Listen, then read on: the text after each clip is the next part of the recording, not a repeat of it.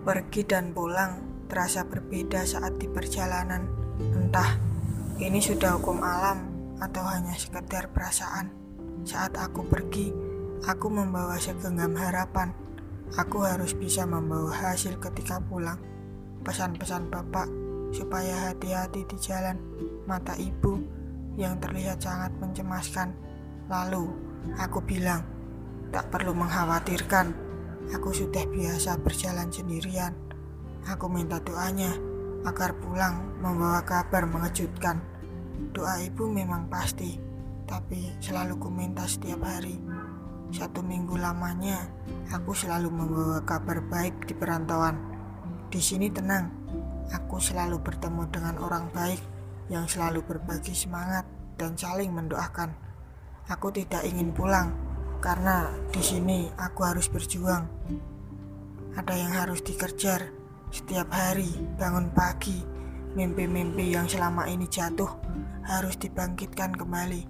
Bapak selalu bersyukur kalau aku memberi kabar bahwa hari ini sudah terlewati.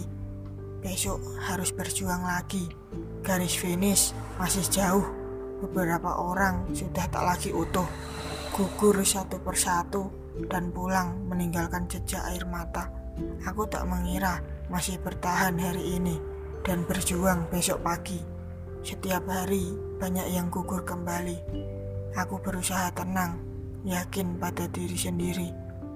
Akhirnya aku bisa melewati. Tiga hari ini begitu mengharukan. Doa setiap malam agar besok dan seterusnya masih bertahan. Tiba di hari keempat, aku gagal dan gugur. Semesta menyeleksi orang-orang kuat. Aku masih rapuh dan belum siap. Semenjak saat itu, aku tak suka perjalanan pulang.